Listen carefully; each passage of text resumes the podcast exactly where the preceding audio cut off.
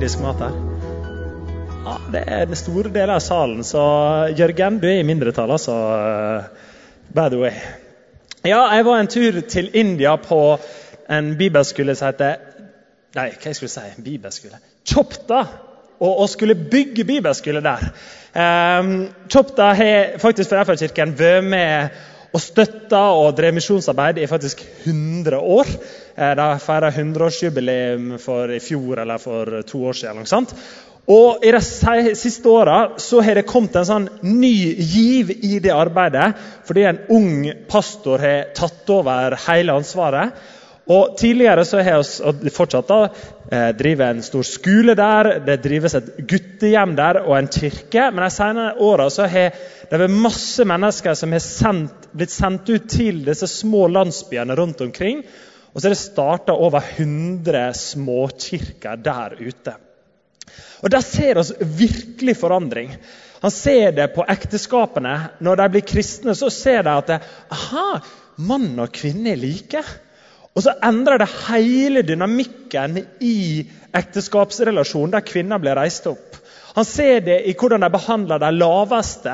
At de får lov å komme opp og får lov å sitte rundt bordet og ikke bli ekskludert til en eh, kant utafor. Han ser det i så mange verdispørsmål, og det er fantastisk å se hvordan det å begynne å følge Jesus utfordrer de negative verdiene i en sånn kultur.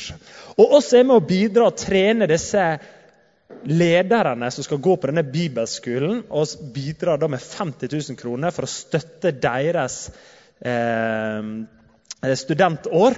Og Det er så viktig, for da trenes ledere som kan gå tilbake og være lokale kristne ledere i disse småkirkene. Og det har jeg virkelig trua på. Og så må Jeg si, jeg er stolt av FA-kirken. Fordi eh, oss bidrar med en liten sum, men når jeg var i mamma, dessverre, sånn, ser jeg på denne her eh, murbygninga så tenker jeg, hva koster dette her? Så jeg spør, er det sånn 400 000? Ikke sant? Og så får jeg høre 1,2 millioner. Jeg bare Hæ?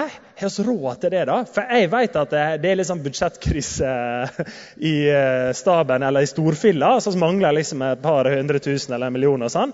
Og så tenker jeg, men har vi råd til likevel bruke mange millioner i misjon i India og i Afrika for å løfte det opp? Ja. Det er ikke snakk om å kappe ned på det, så det er å kappe ned på oss her. Så det er veldig bra. Det samme oss. Oss er egentlig eh, godt over 100 000 egentlig eh, under der vi skulle vært. Men altså blitt utfordra på å holde på disse 50 000 og gi til misjonen og fortsette å bety for noe som er større enn det oss er. Og det Den kulturen som Philadelphia har på det, vil jeg bare virkelig heie og informere deg om at pengene dine som du gir, går til det. Og Apropos takknemlig for vårt fellesskap. Rett før vi dro, så hadde vi en lederdag sammen med noen av hovedlederne i denne kirken. Og satte oss ned og spurte hva skal vi satse på i 2020. Hva drømmer oss om i 2020? Og En av de tingene vi snakka om, var å gå sammen dypere i vår etterfølgelse av Jesus for å virkelig bli mer forandra i våre småfellesskap. Og oss kjente sånn, ah, Tenk om vi skal være en kirke som kjennetegnes for at oss tar det å følge opp Jesus på alvor. Og at folk kommer hit og så skjønner de ah, ok, det handler ikke bare om en søndagsgreie, men det handler om hele livet. Så snakka vi om at vi drømte om at oss var kjent for vår hverdagsgodhet og for vår diakoni. At mennesker som kom inn i vår kirke, de ble smittet av et engasjement for å bety, for, bety noe for noe større enn deg sjøl. Og at det var den reisa som folk begynte på når de starta i denne kirka her. Og Eline, som har blitt eh, midlet, eller som har vikariatet på diakoni i år, skal sørge for at vi skal løfte diakoni på alle på oppdrag og alle mulige ting videre. Så det blir kjempespennende. Og så tenker jeg vi må bare ha det himla gøy på veien. Er dere enig i det? Jeg har jo en litt sånn pietistisk drag over meg i sunnmøring. Og jeg kan ha en tendens til å stanse opp med liksom alle utfordringene og ting som må hjelpes og ting som må frelses og fikses.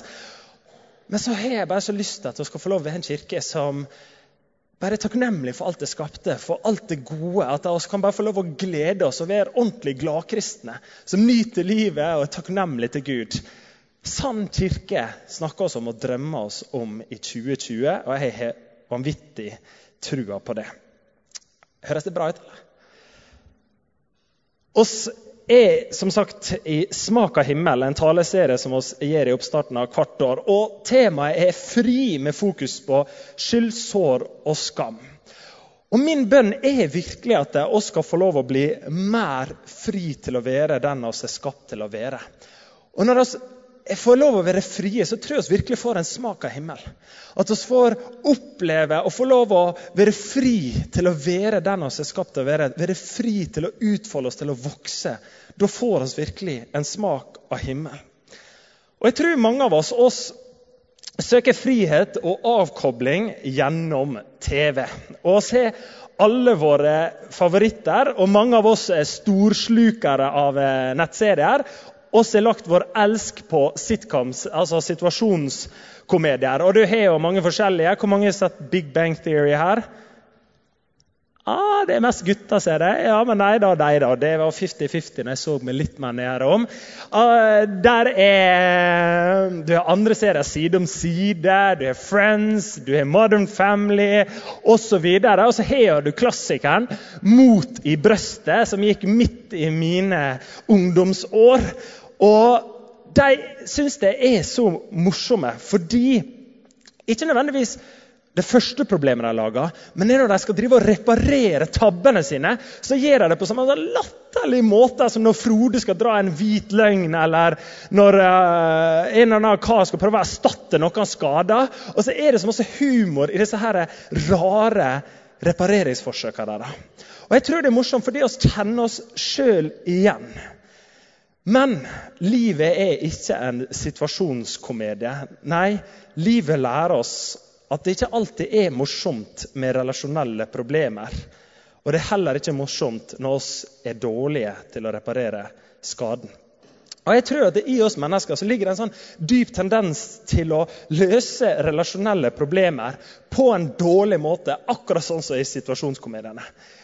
Og Hvis vi hadde hatt en håndsopprekning her, så tror jeg de fleste etter å ha tenkt seg om, ville funnet minst én person som de kan si jeg har noe uoppgjort eller usagt med denne personen. For Vår erfaring er at vi stadig gir skade på våre relasjoner, og vi er samtidig også dårlige på å reparere skaden. Eksempler på dette er jo ekteskap som går i stykker arbeidskonflikter eller når venner blir uvenner. Og skal se det på et samfunnsnivå at det er utallige mennesker som søker hjelp i terapi. Etterspørselen er rett og slett for stor. Og så er det HR, fokuset på HR i arbeidslivet. Der spesialister skal komme og hjelpe oss hvordan vi kan være sammen på arbeidsplassen. Eller medias fokus på relasjonelle problemer i alle mulige slags plussartikler. Og Dette her er noe Jesus også er utrolig opptatt av. Og Han viser oss en annen måte for hvordan oss kan løse våre relasjonelle utfordringer. Oss kristne oss vet hvordan oss kan reparere våre relasjoner og overvinne våre dårlige sider. Det handler om tilgivelse, omvendelse og forsoning. Og Disse tre kristne ordene er ikke akkurat veldig populært i dagens samfunn. Jeg angrer ingenting er blitt mer populært å si. Eller jeg gjorde det bare det samme tilbake. Eller vi legger oss flate fordi det er en god mediestrategi. Men spørsmålet er om det ligger en oppriktig ønske om omvendelse, et kristent ord for å forandre seg, og det å søke forsoning. Tilgivelse er for stort. Det er liksom for mye å kreve av mennesket, sa Erik Poppe under bønn for Oslo. I samfunnsdebatten så opplever iallfall jeg at det er nesten som at vi har rydda vekk disse kristne verktøyene. Og så har vi lagt dem ned i kjellerboden, for det vi har bare bruk for dem sånn av og til. disse gammeldagse verktøyene. For anger er jo avleggs. Vi lever jo tross alt i 2020. Samtidig så lever andre gamle praksiser i beste velgående. Gapestokken er aldri vært så populær som før. Takket være sosiale medier så er det aldri vært så mange mennesker som er blitt uthengt til spott og spe som i dag. Avleggs. Oss ønsker med denne serien å løfte fram at det er en smak av himmel å leve frie liv. At det å ikke la negative ting holde oss tilbake, men at vi kan få lov å legge det bak oss og få lov å søke frihet. Og Jeg er overbevist om at vi oss trenger å løfte fram disse praksisene som Kirken har praktisert i 2000 år, og som vi har 2000 år med historier og empiri til å bevise at det funker. Og Vi skal se litt på disse tre kristne handlingene og hva de betyr i møte med vår skyld og vår skyldfølelse i relasjon til hverandre og relasjonen til Gud. Og Jeg skal begynne med hva vi gjør med vår skyld i møte med hverandre. Bli med meg til Matteus 6, vers 23-26, hvor Jesus sier følgende. Om du bærer offergaven din framfor alteret, og der kommer til på å tenke på at din bror har noe imot deg, så la gaven din ligge foran alteret og gå først og bli forlikt med din bror. Så kan du komme og bære fram offergaven din. Skynd deg å komme overens med motparten din mens, ennå, mens du er ennå sammen med ham på veien. Ellers vil motparten din overgi deg til dommeren og dommeren til vakten, og du blir kasta i fengsel. Sannelig, jeg sier deg, du slipper ikke ut derifra før du har betalt til siste øre. Det første vi møter her, det er at den beste måten jeg og du kan ære og elske Gud på, er faktisk å vise kjærlighet til alle, mennesker som, alle menneskene Gud har skapt. Og Dette er noe Bibelen taler om igjen og igjen, helt ifra de ti bud til Jesus sin bergpreken. Videre så ligger det implisitt i denne fortellingen at når oss kommer i berøring med Guds nærvær og den atmosfæren, så skjer det et eller annet med hjertet vårt. Det forandres, det myknes, slik at oss tenker på det vi kanskje har gjort galt, og får et ønske om å vise tilgivelse og kjærlighet. Komme og ydmyke oss og spørre om unnskyld til andre. Sånn sett så fungerer det kristne fellesskapet som en viktig endringsarena i våre liv. Det neste som står, det er 'skynd deg'. Og jeg tenker at Det kan handle om at det er sår som ikke blir stelt, blir verre og verre og vanskeligere å helbrede. Og Konsekvensen av å ikke komme overens med motparten er nettopp det at det blir en negativ spiral. Der han kommer med motreaksjoner så reaksjoner. Og I teksten her så er det snakk om rettslig forfølgelse. Men det kan også være andre konsekvenser, som vonde handlinger. Og I researchet til talen så kom jeg over Konfliktrådet. Og Det er altså omkring 8000 saker i løpet av et år. Med alt fra trusler, mobbing, skadeverk, nabokrangler, familiefeider og arbeidskonflikter. Og De minner oss om den negative kraften som ligger i uoppgjort skyld, og viktigheten av å ikke la den ligge og gnage for lenge. Bestemor hun snakka tydelig om at en av de viktigste tingene du kunne gjøre i et samliv, var å være raske til å tilgi hverandre. Og Dette her er et ekteskapsråd du hører fra mange gamle par. Og Jeg tror virkelig at dette er noe som må ta til oss i alle relasjoner, ikke bare i ekteskapet. Og Jeg har lyst til å stanse litt ved ekteskapet som et eksempel på hvordan tilgivelse og omvendelse fungerer i praksis. Og For deg som ennå ikke er gift, så vil jeg si at som gift så vil du få mange anledninger til å spørre om unnskyld. Senest som nybakte foreldre så kjente jeg at jeg ikke strakk til spesielt med oppvasken. Og oppvasken det er mitt definerte område. Det har jeg ansvar for til å sørge for at det blir clean. og jeg er ikke like flink som Torgeir Lillenes som går på 1630. for han er liksom, Før jeg reiser meg opp av stolen, så har han fiksa oppvasken og kasta det i maskina. Og når denne latskapen som ligger i meg, ble kombinert med jobb og passe Amanda, så kjente jeg at jeg bare orka ikke. Og Hver dag så vokste oppvasken til Kristins fortvilelse. Og etter hvert som mønsteret bare utvikla seg, så blir jo de monstre etter hvert. ikke sant? Og hun ble bare mer og mer irritert, og jeg sa flere ganger unnskyld, unnskyld, unnskyld, beklager. Men det som er med å si unnskyld, det er at det, det funker ikke så bra hvis ikke det ligger en omvendelse også til grunn. Hvis ikke du viser at du ønsker å forandre deg, men bare sier unnskyld fordi det var liksom greit å glatte over konflikten, så er det sjelden at det, unnskyldningen virkelig mottas. Hvis unnskyldningen skal være oppriktig og ikke være for lett, så trenger det også ligge et ønske om å forandre seg.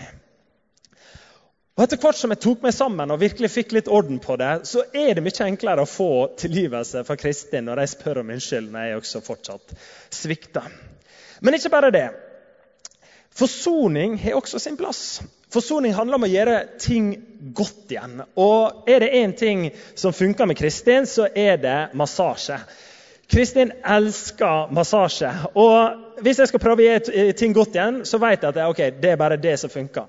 Og Da er det bare å sette seg ned 30 minutter og så bare kjenne at jeg knar det sinnet ut av kroppen hennes. Og når jeg er ferdig, så bare Å, jeg er så glad i det, Halvard. Og så bare med en gang så er liksom eh, tilgivelsen der og kjærligheten der. Eh, så det er et godt råd, gutter. Prøv å finne ut hva er det du kan gjøre som gjør det godt igjen. For det vil virkelig skape forsoning.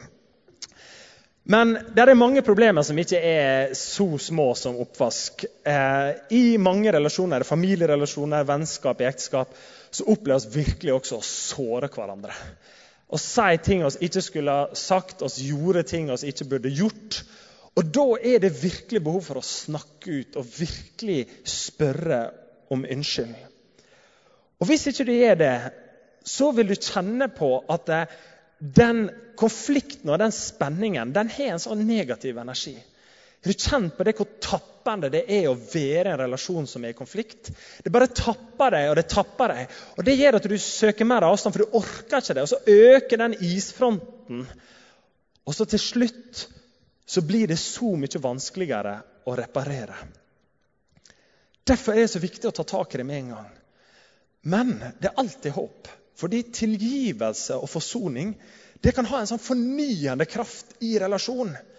De gangene jeg og Kristin virkelig har fått snakka ut og løst i våre floker, så har jeg fått oppleve at vi går dypere. Men da er det også kommet en ny vekst i relasjonen. En sånn fornyende kraft der vi har blitt enda gladere hverandre. For vi har turt å være enda mer sårbare. Og det har sett i så mange av mine vennskapsrelasjoner. Når du tør å ta den praten, så er det sjelden det fører til det dårlige, men det heller fått lov å blomstre noe nytt. Og John Gottman, som jeg tok opp her, han er en av verdens fremste eksperter på parforhold. Og Han peker på sju kjennetegn ved samliv som lykkes. Og En av dem er nettopp det, denne evnen til å løse relasjonelle problemer. De parene som er både gode til å initiere repareringsforsøk, men også å ta imot, har en mye større sannsynlighet for å lykkes. Og Dette her er åpenbart at det, det gjelder det samme i alle relasjoner. Det er de som klarer å reparere problemene i vennskapene, i arbeidskonfliktene, i arbeidskollegaene, i familierelasjonene, som får relasjoner som varer lenge. Denne teksten her utfordrer oss på viktigheten av å spørre om tilgivelse. Det å søke omvendelse og forsoning i våre relasjoner. Og Når det gjelder det å praktisere det, så vil jeg bare komme med tre korte refleksjoner. Det første jeg vil påpeke, det er at det er noe som heter falsk skyld. Og Enkelte av oss her oss har en tendens til å av og til føle mer på falsk skyld. Og Falsk skyld kan være urettferdig, det kan være pålagt og det kan være påtatt. Det kan være noe som andre argumenterer at det er din feil på en sånn måte at du kjenner på en falsk skyldfølelse som egentlig ikke er din. Det er ikke din feil, men den personen skylder på deg. Eller så kan det være påtatt at du er så sensitiv for omgivelsene at hver negativ reaksjon tolker du som din feil. Det var du som gjorde noe som skapte en negativ reaksjon i deg. Hvis du kjenner at du har en sånn tendens, så vil jeg bare oppmuntre deg. Vær litt kritisk til den skyldfølelsen. Gi noen dobbeltsjekker ved den. Fordi den kan få lov å hindre deg Den kan hindre deg i å leve frie liv. Men hos de aller fleste av oss så er problemet heller det motsatte. Da sliter vi med å erkjenne vår skyld. Men jeg vil si og løfte fram at det, det finnes en god skyldfølelse. For det Opplevelsen av skyld den er meint til å få deg til å reparere det du har gjort av skade på en relasjon. Og Det bringer deg til tilgivelse, omvendelse og forsoning i møte med den andre. Så ikke bagatelliser eller legg lokk på den, for det, det kan være fristende å ikke gjøre noe med den. Og ta ut liksom, batteriet i brannvarsleren og bare la det slutte å pipe og legge lokk på det. Men ta heller en ekstra runde. Gå heller og spør var det dumt for deg. Trenger å si unnskyld for noe. For det er bedre å ta en ekstra runde enn at et sår eller en konflikt får lov å vokse seg større og ut av proporsjoner. Det siste er at det å spørre om tilgivelse er noe du må trene på. Og sier av og til at eh, han der er skikkelig dårlig til å si unnskyld. Eh, og det å leve med folk som er dårlige til å si unnskyld, det er ikke enkelt. Og Paulus bruker flere steder trening og idrettsmetaforer når han formaner sine lesere til å la seg forme. Han oppfordrer f.eks. sin lærling Timotius i å øve seg i Guds frykt. Og Bibelen minner oss flere steder at det, det å praktisere ofte blir til vane, som igjen blir til den oss er. Og synaptisk plastitet er et av hjerneforskernes begrep på at øvelse gjør mester. Hjernevevet i hjernen din sammenlignes gjerne med veier og stier som brukes til signaltransport. Og Første gang du gjorde noe helt nytt, så måtte du nærmest hogge deg vei med machette i hjernejungelen din, skriver psykiater Kurt Thomsen i 'Anatomy of the Soul'. I begynnelsen så føler alt uvant og feil. Oppgaven virker så vanskelig. Men så gjorde det flere ganger, og gradvis så begynte det å rydde seg en sti i skogen. Og Gjør du det ofte nok, så dannes det til slutt motorveier som du kan bevege deg svært kostnadsfritt på. Og Dette her gjelder jo kognitive ferdigheter som matematikk og språk. Og det gjelder mer motoriske ferdigheter som gitarspilling eller idrett. Og dette her er innlysende for oss. Men det gjelder også moralske og religiøse ferdigheter. Om du ønsker å bli bedre på å innrømme feil og på å reparere på relasjoner, så må du faktisk øve deg i det. Så bestem deg derfor for at her vil jeg vokse. Kanskje er det noen du tenker du vil spørre om tilgivelse til.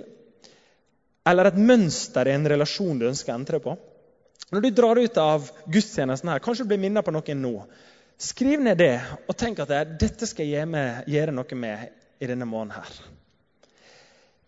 Det andre vi skal se på, det er vår skyld i møte med Gud. Og Jeg nevnte at disse begrepene omvendelse, tilgivelse og forsoning har blitt rydda litt sånn bort i samfunnet og blitt sett på som noe som er litt avleggs. Men det samme gjelder kanskje litt Kirken. Det snakkes nemlig både mindre og mer lavmælt om synd og skyld i de fleste kristne setninger i dag. Og Det er nok flere grunner til. Kanskje har blitt for mye påvirka av samfunnet.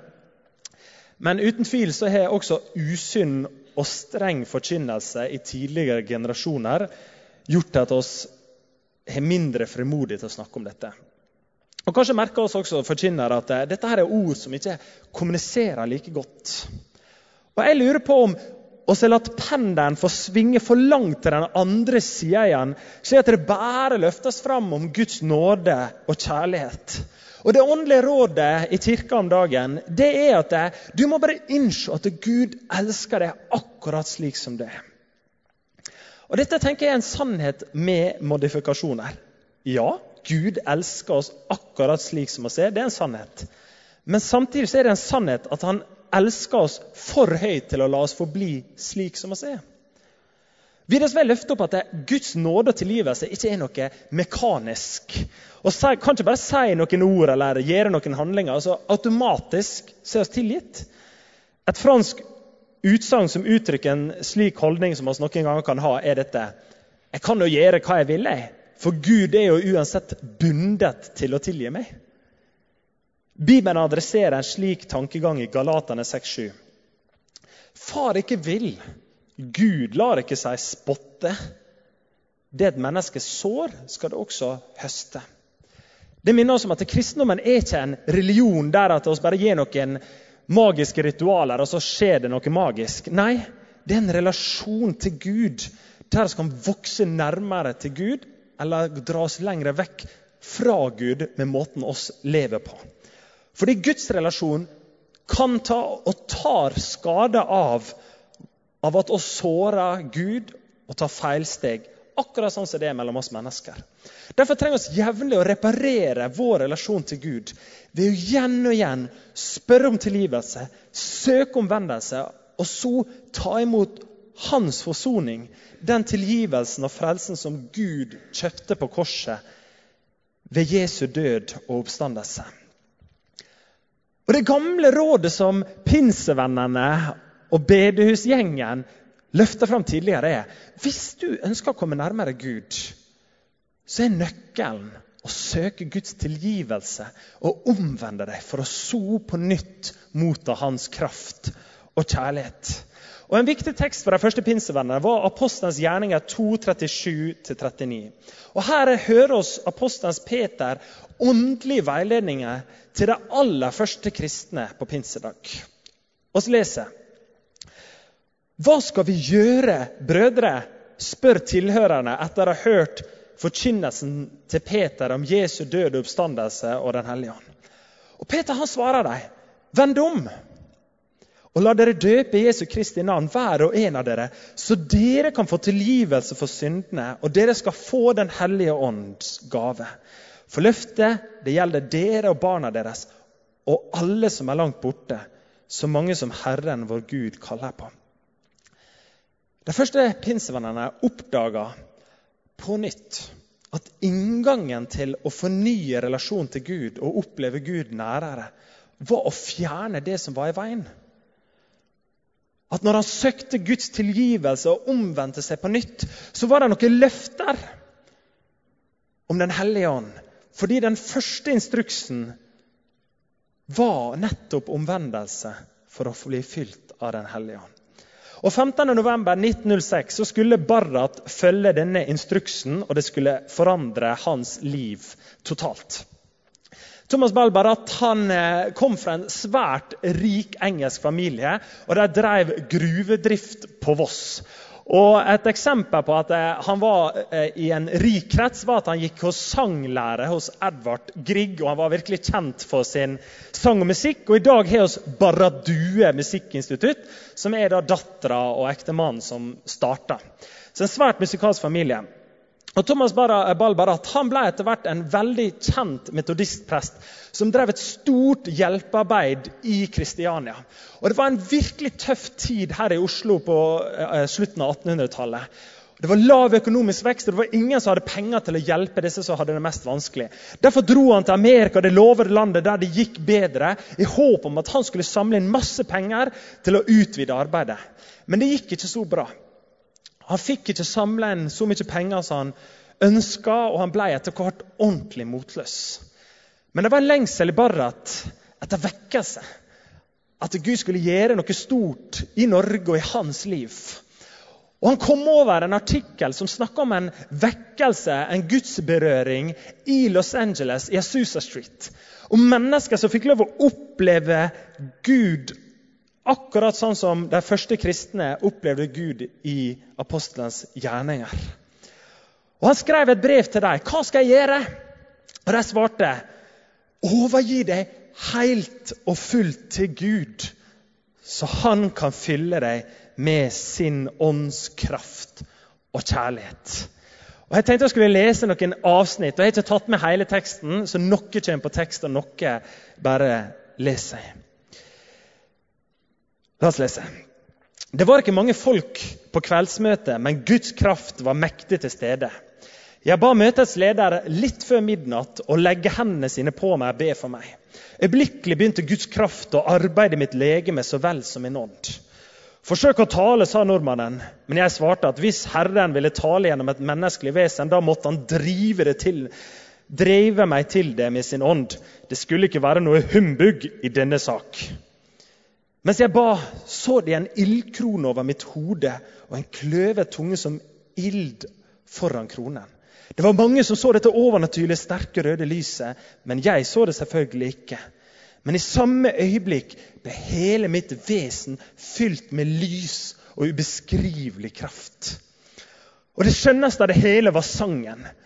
Da nådde inspirasjonen sitt høydepunkt, og jeg brøt fram i en underbar barytonsolo. Jeg hadde aldri hørt melodien før og kjente ikke ordene, men det var overmåte skjønt språk. Av og til brøt jeg ut i takksigelse til Gud for Hans underbare nåde mot meg. Der hvor jeg lå på gulvet, jublet jeg og priste min frelser for hans kjærlighet. Og Av og til syntes det som forhenget var så tynt at jeg nesten kunne vente og se himmelen åpne seg over meg. Ved firetiden om morgenen gikk jeg til å hvile og sov søtt som et lite barn. Jeg hvilte nå i ettermiddag og tok så den gymnastikk som jeg alminnelighet tar hver morgen. Og jeg er lykkelig og fryder meg i Herren som aldri før. Thomas Balbarat hadde en helt spesiell opplevelse. Og Det var selvfølgelig en opplevelse som ikke kan nødvendigvis føres, overføres helt til oss. Fordi denne opplevelsen her skulle være hans salvelse, hans utrustning til tjeneste som kristen leder i Norge og Europa. Men likevel er det noe som kan ta til oss fra dette. Fordi siden 1906 så har omkring 700 millioner opplevd å bli møtt av Gud på nytt ved å spørre Gud om tilgivelse og be Han fylle dem på nytt med sin kjærlighet og kraft. Og En illustrasjon jeg fikk fra en litt eldre predikant i begynnelsen av min vandring med Gud, som var med å forklare noe av dette, her, var en illustrasjon om et hus med mange låste dører. Man kan tenke seg at eh, Gud har fått lov å komme inn i huset hvis du er en kristen. Men det er likevel mange dører som oss ikke har åpna opp og vist til Han. Kanskje er det et rom som er så rotete at vi tenker at det er best å la det være og bringe det til Gud. Eller andre rom som vi tenker at vi ikke har lyst til å gi opp enda, fordi vi tror feilaktig, mener jeg, at ved å slippe Gud inn der, så taper vi noe. Dette var en illustrasjon som talte hvert fall til meg, fordi jeg kjente meg igjen i mitt møte med mine menneskelige relasjoner. At når jeg åpner opp nye rom i meg sjøl, så får vi oppleve noe nytt sammen. Og Jeg kjenner at de fikk se nye sider med meg som gjør at jeg føler meg enda mer elska akkurat slik som jeg er. Og slik blir både relasjonen fornya og dypere. Sånn er det også med Gud. Men oss må søke Han og spørre Han om å fylle oss. Fordi Gud er en gentleman som respekterer oss, ikke bryter inn i dørene. Jeg vil avslutte med en kort historie fra småfellesskapet vårt. Det var en periode i fjor der vi hadde tema om Den hellige ånd. Og satt der en kveld med kaffe på bordet, Bibelen på bordet og snakka sammen ærlig om livet. Og snakka om hvordan vi kunne oppleve en større fornyelse i vår gudsrelasjon. Plutselig ble en minne oss at det, ja, er et eller annet med omvendelse. Det er et eller annet med å spørre Gud om å tilgi oss og det å prøve å bestemme seg på nytt om å følge Han. Og Vi delte ærlig om livet og bekjente ting som vi sleit med, og utfordringer som vi hadde lyst til å vokse på, både foran hverandre og foran Gud. Og mens vi gjør det, så bare opplever vi at Guds nærvær fyller hele rommet.